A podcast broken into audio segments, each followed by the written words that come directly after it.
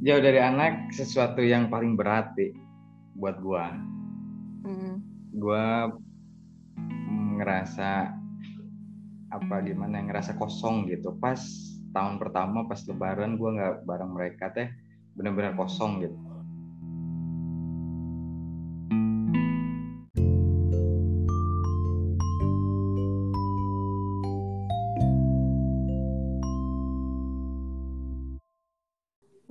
kita lanjutin lah Kang. Yang kemarin tanggung. Oke, siap. Gara-gara sinyal kemarin deh dan Iya. gara-gara gua dari telepon video call sama anak-anak. Sampai mana gimana? ya, Ti? Kemarin, Ti? Kemarin, kemarin mah Akang lagi ini kita ngomongin Akang menikah. Tapi Oh, aku mau balik inilah Kang, jangan nikah dulu lah. Heeh, jangan ngobrolin nikah lah gitu ya. Jangan ngomongin nikah dulu lah. Pusing dengernya juga, apalagi aku yang nikah. eh.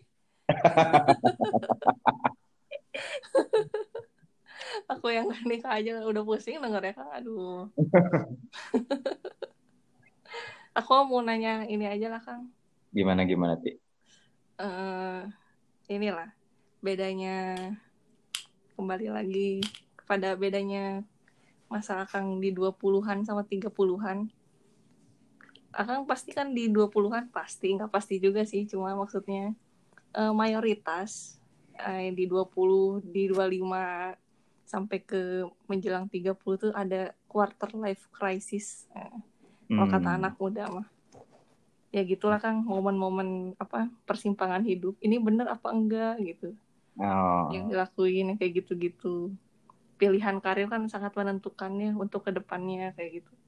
Aku kerja kayak gini bener apa enggak gitu. Nah kang di umur 20-an tuh ngalamin kayak gitu enggak? Terus eh, kalau aku denger-dengar sama orang yang 30-an yang lain ada juga yang di 35 tuh eh, ngalamin kayak gitu lagi gitu cuma beda aja eh, fasenya gitu nah kang gimana kang ada nggak masalah kayak gitu Nah, kalau gua tuh kan sebenarnya gini, Ti.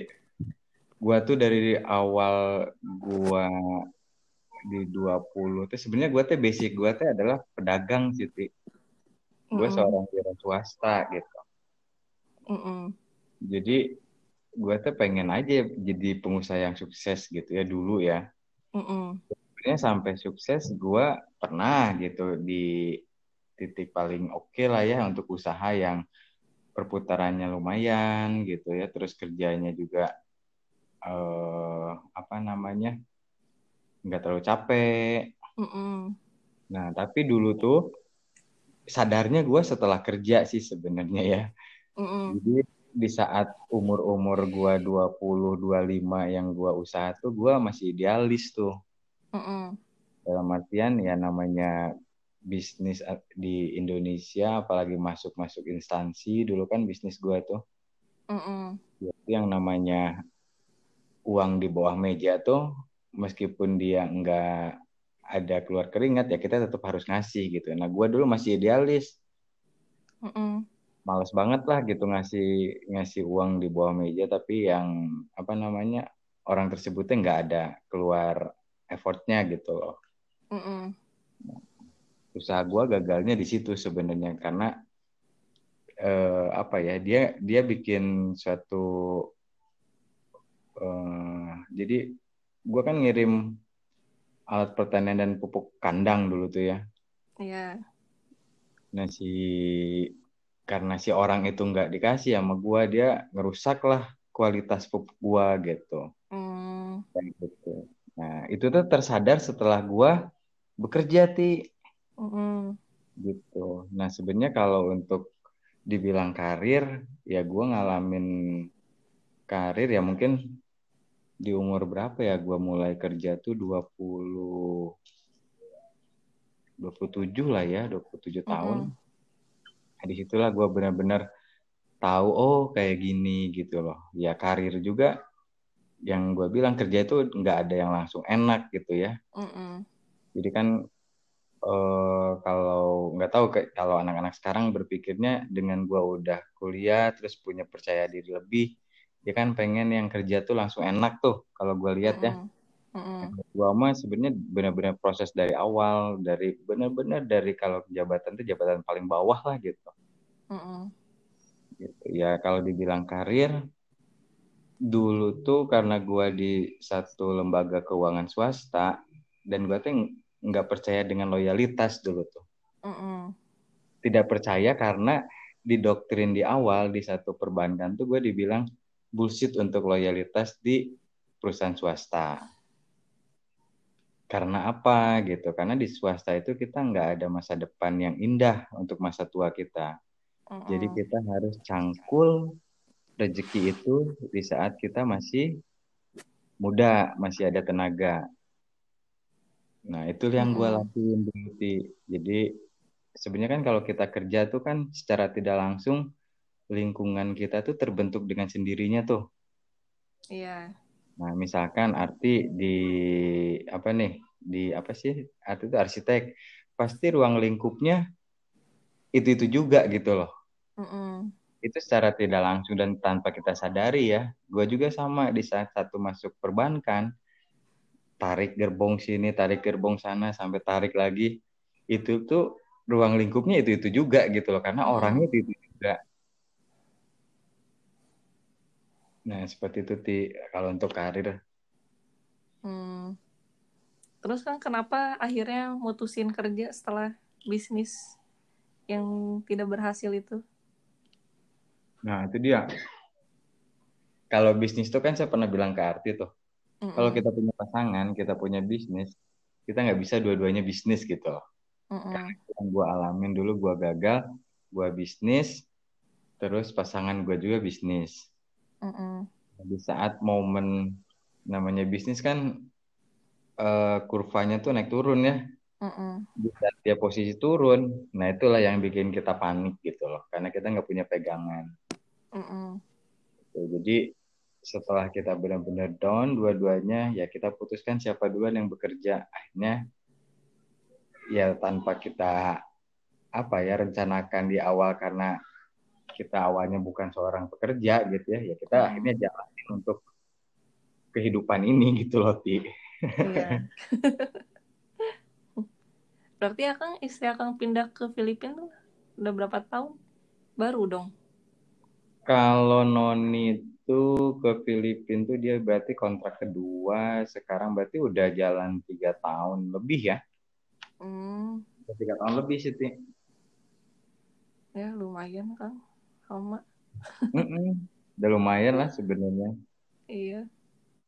Ya karena ya itu ya itu dia kita benar-benar yang apa ya mungkin eh, kita bukan satu pasangan yang ideal secara finansial di awal gitu loh. Mm-mm. Jadi yang gue bilang kemarin selama eh, pas kita mau menikah tuh emang harus dipikirin matang-matang dan dipersiapkan secara matang juga semuanya gitu. Seperti itu. Mm-mm. eh Kang itu ada suara siapa? Anaknya ini, anaknya Oh, anaknya ibu warung. Ah, ah, anaknya ibu warung. Kayaknya gue Kirain Akang bawa anak kecil. enggak nemu anak kecil di jalan gitu ya di bawah. PCW kan kangen anak gitu. Uh, kangen banget nih. Gimana Kang jauh dari anak Kang? Jauh dari anak sesuatu yang paling berat nih buat gua. Mm. Gua mm, ngerasa apa gimana ngerasa kosong gitu. Pas tahun pertama pas lebaran gua nggak bareng mereka teh bener-bener kosong gitu. Mm-mm. Jadi di saat anak-anak Berarti eh, anak-anak pengen Mm-mm. ngerasain sekolah di Filipina Mm-mm. sama istri, nah gue tuh sendiri gitu loh. Mm-mm. Aduh itu nggak enak banget lah, yang namanya biasa kita ngelihat tingkah pola anak kecil gitu ya, Mm-mm. kita bareng-bareng, nah di saat momen itu tuh ya nggak enak banget lah, pokoknya tuh hampa banget. Berarti udah berapa lama Kang? Ini pindah juga, nggak bareng. Nggak bareng tuh berarti kemarin tuh lebaran kedua ya. Hmm, udah dua tahun berarti. Ah, ah. Wah, lumayan lah. Kangen pasti. Sebenarnya nggak dua tahun nanti ya, karena kemarin tuh kan lebaran, eh setahun lah ya. Jadi sebelum Lebaran mereka teh kan bulan Februari. Lebaran tahun Mm-mm. kemarin teh bulan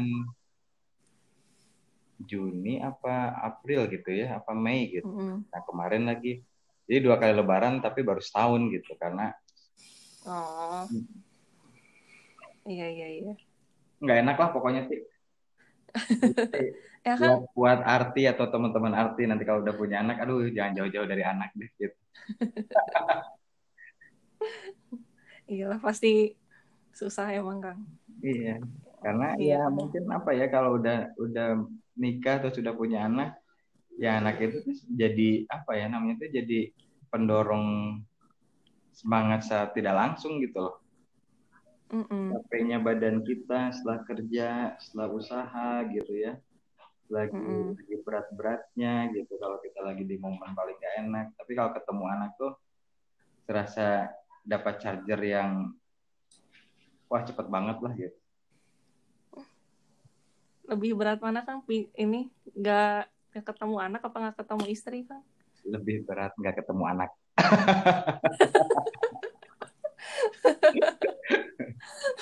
Padahal kan buat ini anak sama jawaban istri kan. gua ya. Aduh. Akang. eh. Akang teh anak berapa Kang? Dua? Eh, arti nggak tahu anak gua ya. Anak Nggak udah, tahu. anak gua udah empat sih. Gua tuh udah punya anak dewasa. Ada empat Kang. Aku tidak menyangka Kang anak keempat. Kirain dua. Iya, anak gua tuh empat. Yang pertama Salma, dia tahun ini tuh dia pas mau pindah ke Indonesia tuh dia kelas 3 SMA. Ah, ada tiga SMA. Iya, jadi tahun depan tuh ini angkat anak apa ang- anak anak sendiri Kang? Maksudnya anak kandung. dong si kakak tuh udah dia tahun depan tuh udah ada anak yang kuliah gua teti. Aduh, sekolah gua teti. Asli. Nih Akang udah 50 Emang nggak tahun geningan sekolot Kang. gitu, Ti? Hmm? Emang nggak kelihatan ke sekolot gitu?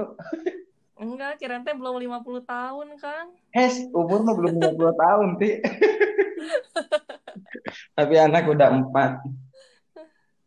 Itu tuh anak mana aja Kang? Anak mana aja anak gua dong. Ya asli dah kirain tuh cuma dua Kang anak teh. Anak gua tuh ya si kakak kelas 3 SMA.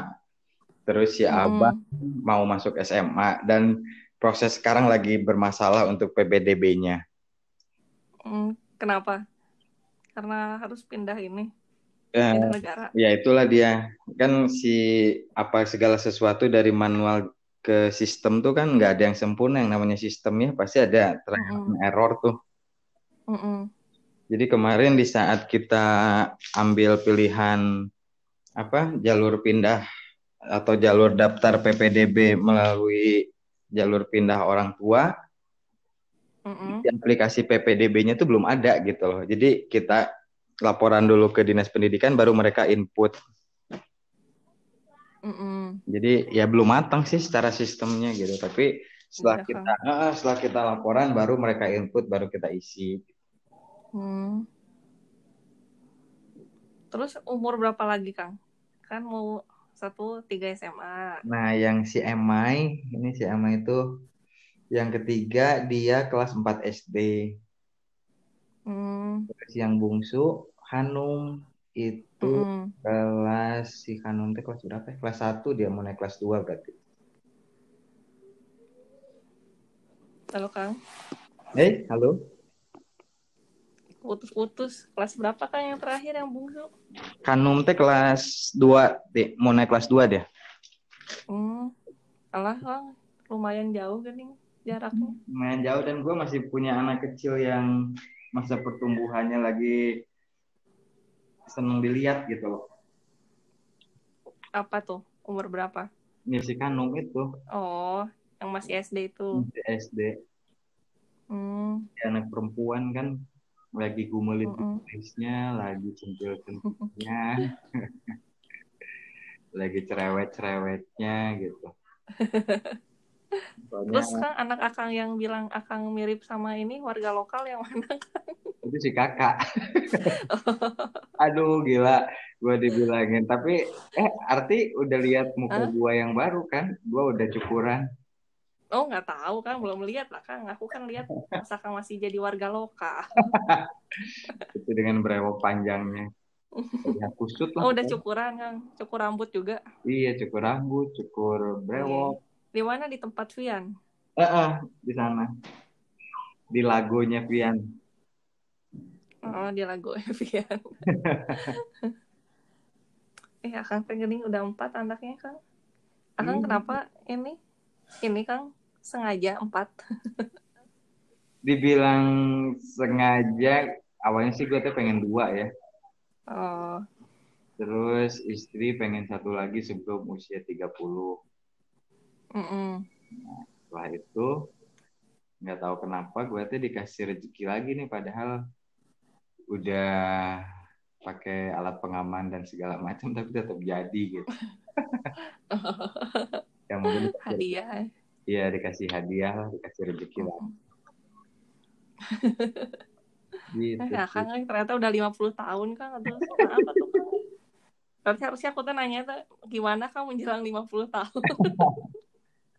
enggak sih gue mah nggak belum 50 tahun tenang sih masih jauh 50 Oh, masih jauh ya Kang. masih jauh sih Terus gimana Kang? Inilah Kang.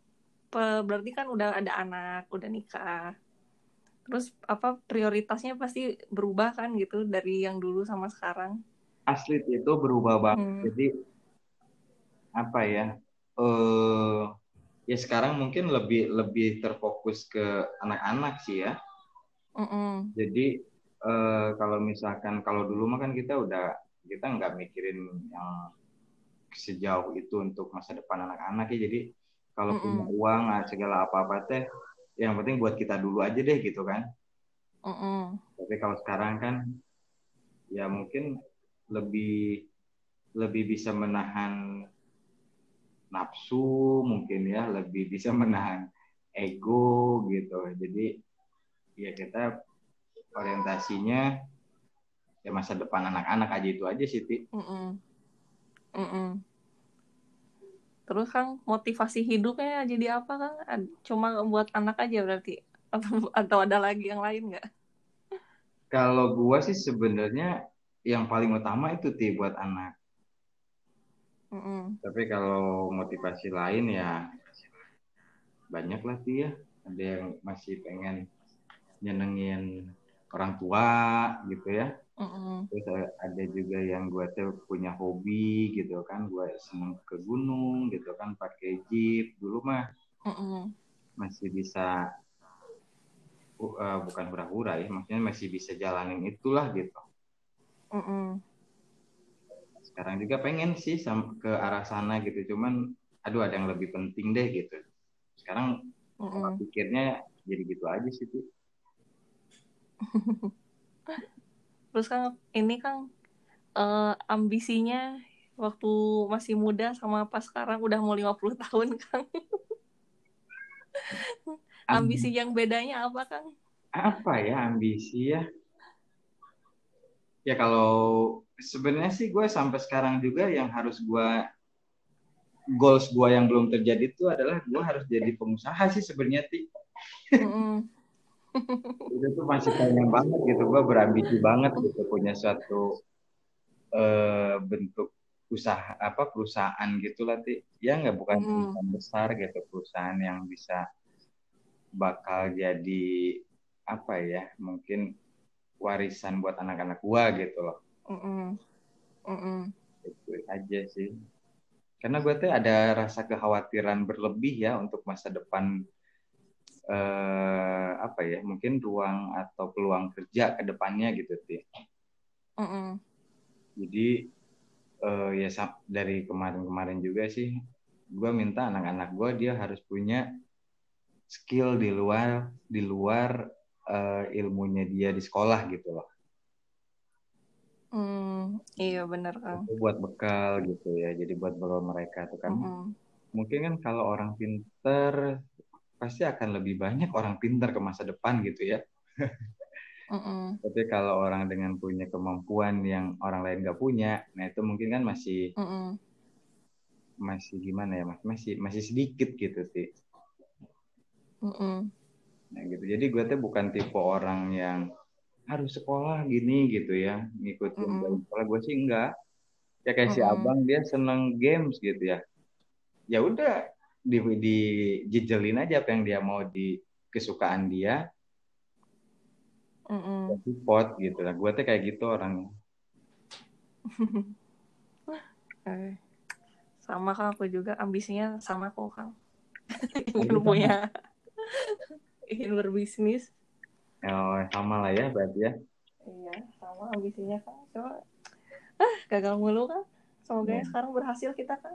Nah, itu dia. Kan kegagalan itu salah satu dari guru ya. Kenapa Iya. kita gagal kan kita nggak mungkin pengen gagal untuk beberapa kalinya kan. Iya, udah bosen. Cuman satu sih yang beratnya tuh selain gagal kita dalam berkarya tuh di usaha tuh mental sih. Akal mentalnya kena ya kan.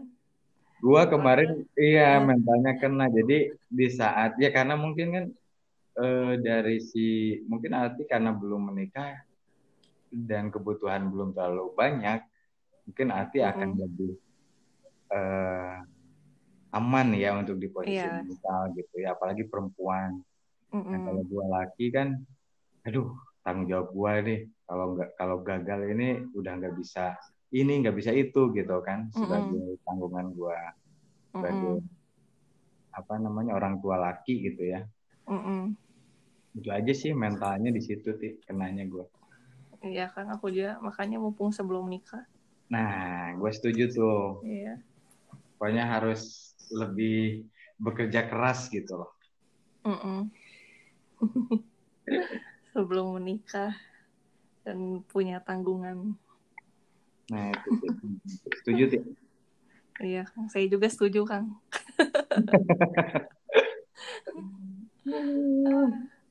ya, Kang. eh. Udah 50 ternyata ya, Kang. Eh. Punten, Kang. Harusnya itu Bapak, berarti aku manggilnya Bapak Andri. Pak Andri ya. Aduh, Mm-mm. Janganlah Udah sih. 50 Gua- ini. Walaupun beruban, anak empat kan masih tetap pengen forever young sih.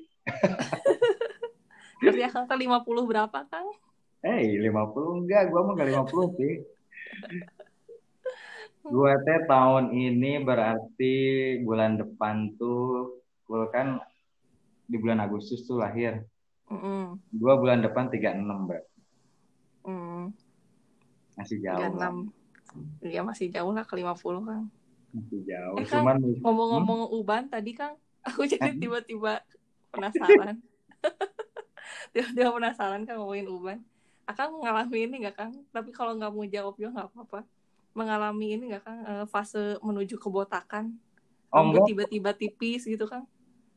kalau sampai botak dan menipis gua masih belum kayaknya sih. Oh. Tapi teman-teman Akang ada Kang yang kayak gitu kan? Temen gua, angkatan gua ada satu. Tapi dia memang waktu zaman kuliah udah terlihat sih itu. Eh, Udah terbentuk lah kalau misalkan arti mau ngebangun tuh apa? Denahnya tuh udah terbentuk. kalau sawah tuh petakan-petakannya dia udah kebentuk. Oh jadi Akang belum ini ya rambut menipis belum Kang? Belum gua rambut menipis. Cuman kalau uban kayaknya nih ya, kayaknya nih Ti. Mm-mm. Gua karena kan besarnya di kota Singkawang tuh yang mayoritas bukan gua rasis ya, mayoritasnya Mm-mm. Chinese. Mm-mm. Gua teman-teman gua Chinese yang di mana dulu SMP tuh kita udah pakai minyak rambut Ti. Mm, mm-mm. Semuanya udah pakai minyak rambut ngaji repeat lah minyak rambutnya teh apa dulu gua gua mereknya teh ya. Pokoknya yang kalau kehujanan kita sekolah pakai sepeda kena hujan teh luntur wes si, minyak rambutnya putih gitu apa, apa ya nama mereknya tuh ya. Oh, jadi itulah salah satu ini ya mungkin ya Kang ya Salah satunya itu kan kalau turunan kayaknya enggak karena bokap gue sampai sampai sekarang umur 60 lebih enggak beruban gitu loh. Mm-mm. Apa Kang uban ya. Kirain teh Kang ini ada rambut menipis kayak gitu ternyata belum ya Kang ya. Enggak jangan sih itu karena kalau rambut menipis. Enggak soalnya aku kalau dengerin ya Kang Heeh. kan biasalah ini aku juga ngobrol sama orang-orang 30 terus suka ngedengerin yang ngobrol. Ada itu kan salah satu problemanya tuh katanya rambut menipis. Rambut menipis ya? Nah justru gua gini, gitu. Gua justru pengen eh dengan bertambahnya umur sekarang teh pengen apa ya ujung mata gua tuh berkeriput gitu teh iya tapi nggak nggak terlalu berkeriput kayak nenek-nenek kakek-kakek gitu tapi ada keriputnya gitu kenapa pengen gitu kan? Nggak tahu ya gue teh nggak tahu pengen we gitu. Pengen Eh, akang eh. Iya Ya. kan berarti kalau akang udah 36 Mm-mm, anak udah mau kuliah mm-mm. berarti kan nikah 25an ya? Gue nikah masih muda tuh 24 iya. 23 ini gue nikah teh semester semester akhir gue kuliah lah pokoknya hmm, gue nikah berarti 23an lah ya Mm-mm. ya kan eh. ternyata empat kan asli kan gak nyangka eh. ternyata bang Ucup udah paling banyak ternyata akang iya ucup iya ucup teh udah tiga dia ya Mm-mm. ya kang eh. kang terus aku penasaran kang gimana sih sama ini kenapa tiba-tiba mau menyudahi pensiun dini di karir yang sebelumnya kang? Nah itu terus terus pindah ini pindah jalur gitu belok sebenarnya sih kan jalurnya juga pindahnya lumayan oh jauh kan? banget ya sih ya? Beloknya teh jauh banget. Jauh banget yang basicnya gue bener-bener mulai dari nol lagi gitu ya. Jadi gue tuh ti dulu wah gue di perbankan tuh apa ya emang itu gue bener-bener meniti karir ya di di Mm-mm. perbankan tuh mulai dari sales analis terus Mm-mm. jadi auditor sampai jadi auditor gitu ya Mm-mm. Nah sebenarnya sih gue dibilang udah sukses sampai di situ, gue bilang sukses gitu ya, karena secara eh, apa namanya rupiah yang gue dapatkan semakin terus bertambah gitu ya. Mm-mm. Nah, terus kenapa nih gue memilih untuk mengambil pensiun dini gitu ya? Itu kan tadi pertanyaannya ya. Mm-mm.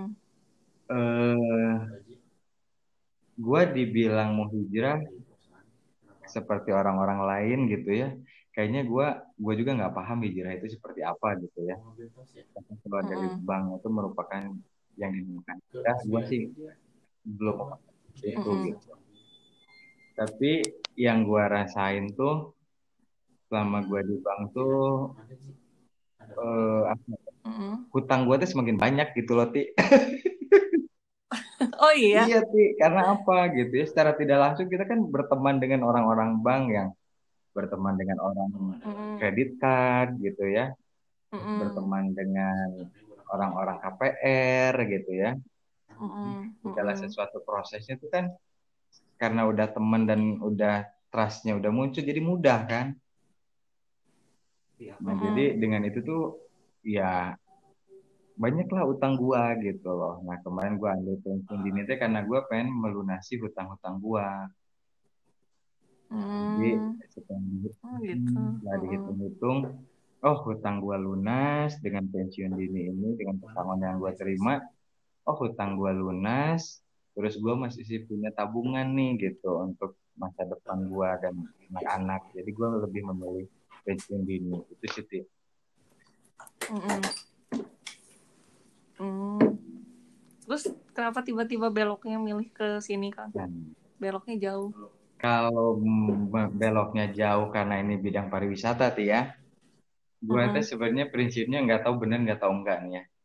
Gua punya prinsip gini, orang sehat secara finansial Mm-mm. yang gua sebut sehat secara finansial itu kan kalau orang itu sudah menyiapkan atau menyisihkan sebagian uangnya tuh untuk liburan Mm-mm. sih karena kenapa harus liburan karena buat gua orang yang menurut dia sukses tapi hanya kerja kerja kerja terus gitu ya. Mm-mm. pada liburan atau refreshing menurut gua sih belum belum sukses gitu loh. Sempurna. Nah gua mencoba di sini untuk di bidang pariwisata. Ya sebenarnya untuk menutup budget itu sih salah satunya ti bener tapi kang aku juga udah ketutup budget itu aku iya kan? Eh, Gak puas tahun liburan. betul. Apalagi kan gini gua dengan dunia yang di audit itu kan dunia yang benar-benar serius gitu ya. Menjadi eh, apa namanya tuh eh, apa ya disebutnya tuh kalau menjadi contoh tuh ya yang menjadi contoh untuk auditi auditi kita gitu kan. Mm-mm. Ya benar-benar kerja yang benar serius lah gitu kalau di Mm-mm. sini kan ya kita sedikitnya refresh lah mungkin ya Ti Iya. Nah, itu sih sebenarnya pertama kan gue punya beban besar kan gue Iya. mesti nyiapin masa depan anak-anak gue gitu Iya, empat lagi kan. lagi ya makanya itulah gue memilih ke Labuan Bajo Ti gitu Iya, welcome to Labuan Bajo, Kang. Tidak akan menyesal tinggal di sana. Kalau aku sih ya. itu tempat yang nggak aku sesali. Iya. Bali aja aku nyesel ke Bali gitu? kan, tapi Labuan Bajo Nah. tidak. tapi gue tuh kadang kadang gini juga tuh kalau ngeliat Labuan Bajo ya Hmm. gue tuh akan merasa indahnya Labuan Bajo tuh di saat kita ngelihat dermaga aja gitu Ti. Tapi Mm-mm. kalau kita ngelihat ke kanan ke kirinya gitu ya di luar dari di Mm-mm. laut laut atau baharinya yang indah ini Mm-mm. teh debu gitu ya Ti. Panas ya. Terus Iya, nu paling utama hese cai gitu. Itu sih yang bikin kudu meuli Ya, cai teh, Kang. Aduh. gitu pas meli cai teh no zat kapurnya tinggi gitu ya. Heeh. Aduh, itu yang sebenarnya ternyata apa ya? Ya mungkin belum belum belum masih harus banyak PR-nya mungkin ya si pemerintah-pemerintah di sini tuh. Iyalah, banyak banget, Kang. Banyak banget. Iya, Listrik aja belum ini, belum rata kan di Sida Flores. Belum masuk belum listrik. gitu. Padahal mau ini wisata premium. Wisata premium apanya nggak ada listrik. Nah, gitu. kayak gitulah sebenarnya.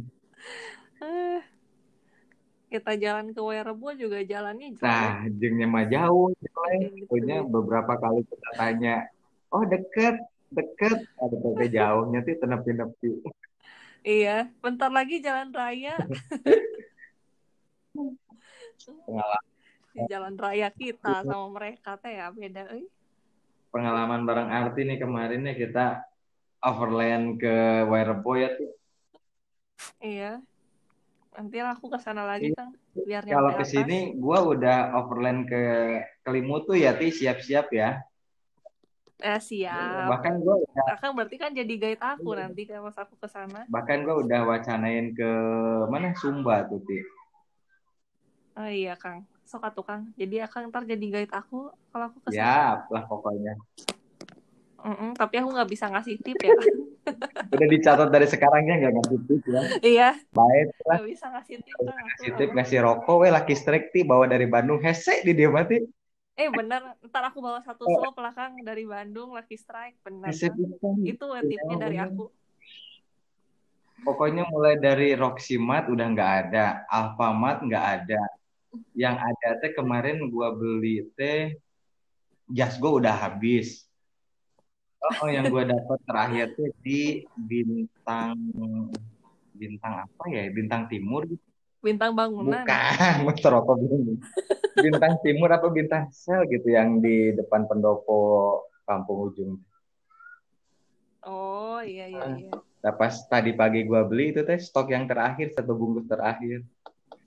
Ah, atuh. Berarti siap-siap pindah Marlboro lagi. Enggak, kayaknya mending berhenti aja ti.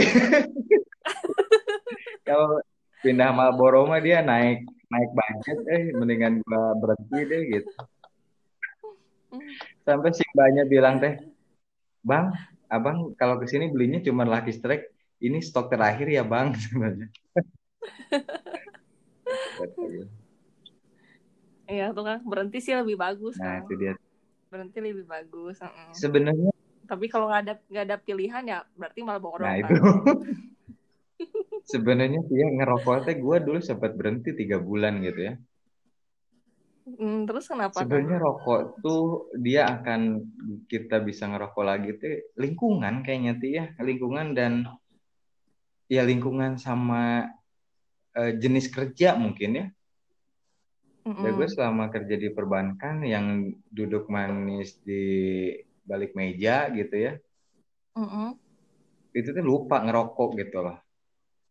Mm -mm. Dan ngerokoknya hesek gitu kan. Tapi kan kalau di sini kan di lapangan gitu ya. Ngerokok tuh agak bebas, hasil nggak ada yang mm -mm. ganggu sama asap rokok kita gitu. Terus mm -mm. banyaknya ngobrol sambil ngerokok. Mm -mm. Kayaknya itu sih yang bikin ngerokok lebih boros gitu dan lebih ya enak aja gitu ngerokok sama niat sih sebenarnya mati iya kan sama niat. Aku aja nggak ngerokok kan. Tahu sih niat sih sebenarnya kalau diniatin. Nanti mah niat kan aduh. Kalau diniatin. Sama jangan ada yang nawarin nawarin nah. manas manasin tak sebenarnya niat aja kalau aduh niatnya nggak ngerokok kayaknya nggak ngerokok gitu.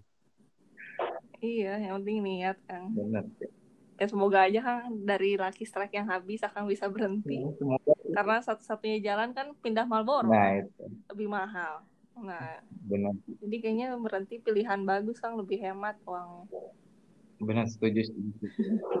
harus berhenti. Nah kan ngomongin uang kan jadi inget lah gimana sih akan sebagai ini kan akun akuntan auditor hmm. gitu sebagai auditor orang bank lah gitu.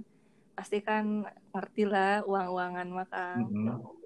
Terus kan akang pas nikah juga masih muda kan uh, tidak tidak stabil lah finansial. Mm-hmm. terus perlahan-lahan kan mulai stabil nih di umur segini.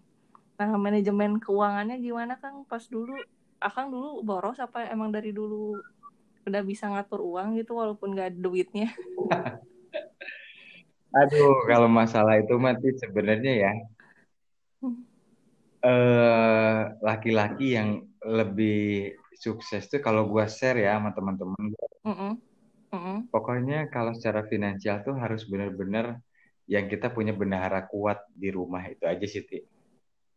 Oh gitu ya. ya jadi kalau laki-laki punya bendahara kuat dan dia ngatur keuangannya itu akan lebih baik. Mm -mm. Itu sih yang kita yang gue sama empat temen gue jalanin gitu ya. Mm -mm. Oh jadi akang akang uang uh, ke istri aja ya?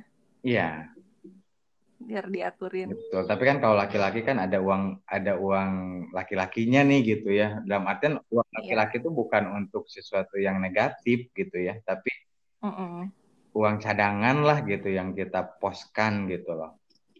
Mm -mm. Jadi di saat ya kita apa ya maksudnya kalau ada sesuatu yang mendadak baik itu ya kebutuhan di keluarga gitu ya mm -hmm. kebutuhan orang tua nah pos itulah yang digunakan gitu loh mm -hmm. seperti itu sih jadi nanti kalau yeah. punya cowok atau misalnya punya pasangan hidup yang dia punya uang laki-laki jangan langsung berparadigma negatif gitu ya tuh Iyalah.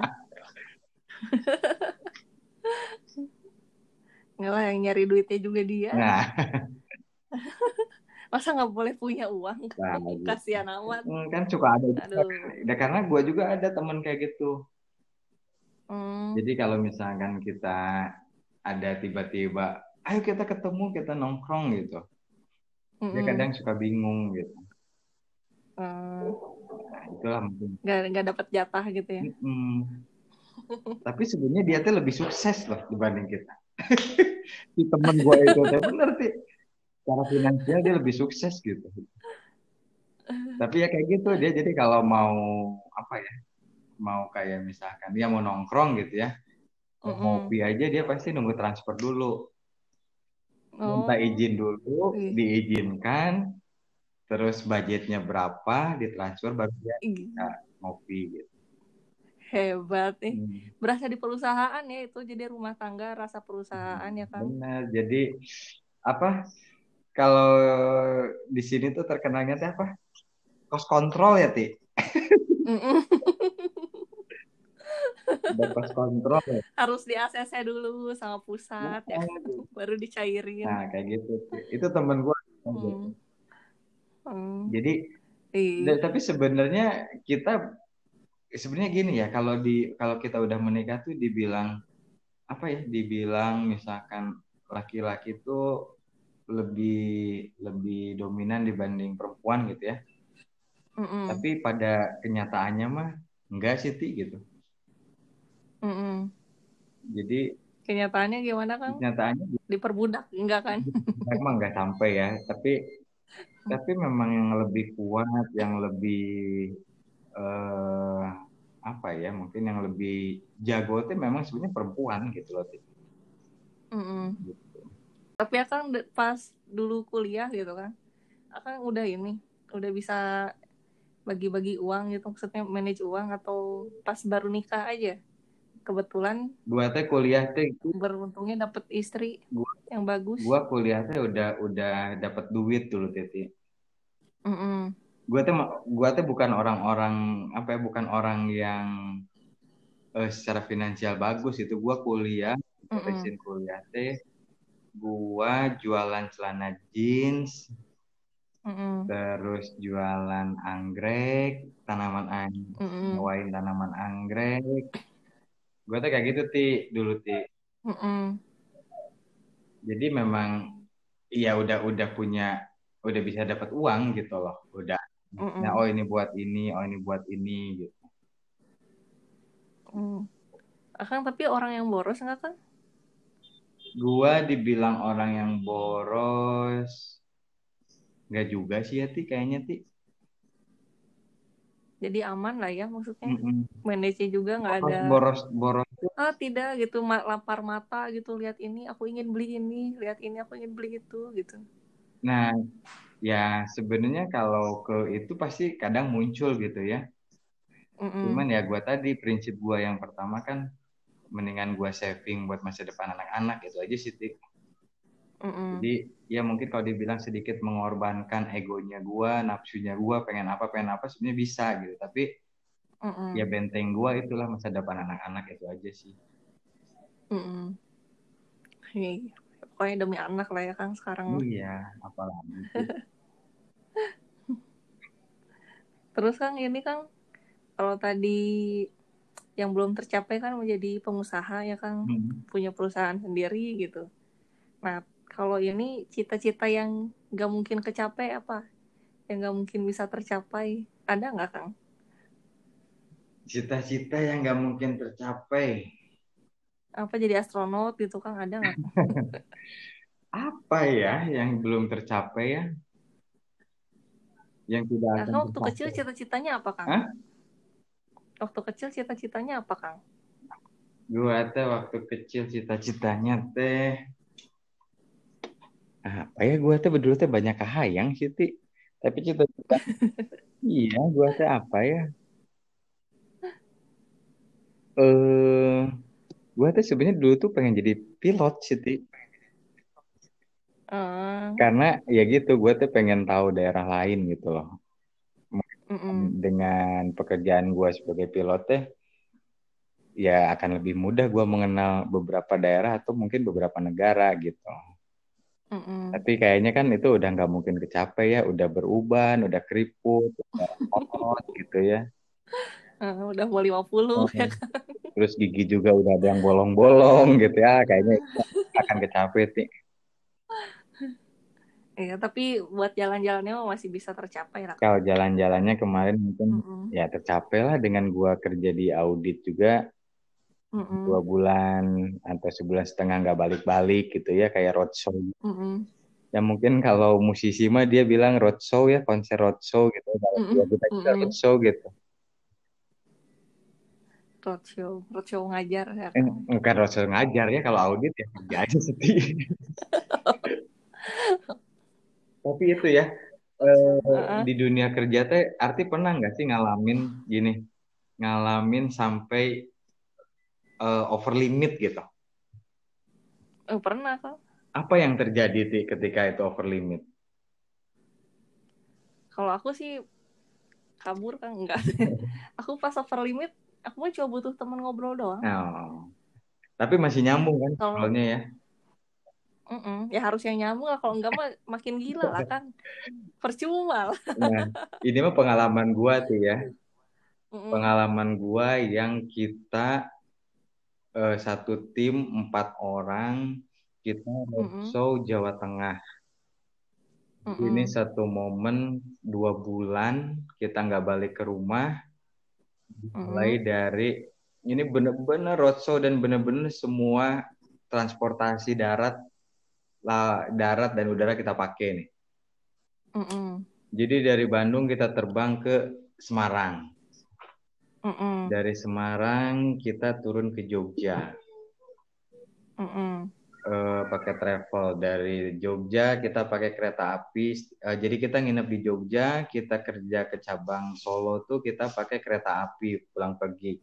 Kereta api. Apa ya disebutnya tuh kalau di sana tuh eh, namanya tuh Joglo Semar kereta Joglo Semar Mm-mm. nah terus dari beres dari Solo da- dari Jogja kita pakai kereta lagi ke Purwokerto Mm-mm. dari Purwokerto selesai cabang Purwokerto kita naik lagi ke cabang Tegal pakai kereta api Mm-mm. dari cabang Tegal kita ke cabang Cirebon pakai bis Mm-mm.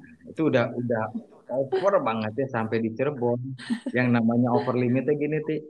Gua berempat di saat pulang kerja menuju hotel kita kan biasa makan malam dulu nih ya. Mm-mm. di momen makan malam itu kita ngobrol sesuatu gua dulu temanya apa gitu ya. Kita ngobrol sambil makan. Mm-mm. 15 menit setelah makan kita lupa apa yang kita obrolin barusan Mm-mm. itu itu mas gila itu mah benar-benar kita tuh udah gila aja sampai benar-benar otaknya mungkin udah nggak bisa nge-saving gitu ya Mm-mm. dan nyimpan sampai pada bingung kita teh barusan kita ngobrol apa gitu kita inget-inget sampai nggak inget itu ngobrolin apa itu berempat padahal Ti. nah itu Ti, itu benar-benar yang buat teh jadi gini ya mungkin kita punya batas ukuran juga mungkin dalam kerja ya Mm-mm. makanya gue ya mungkin ska di mana-mana juga gue kerja yang ada waktu kapan kita buat perusahaan kapan kita Iya. buat kita sendiri dan keluarga itu Iya benar. itu harus sih Iyalah harus. Harus lah itu. tuh Kan hidup bukan buat kerja doang. nah itu makanya ya kalau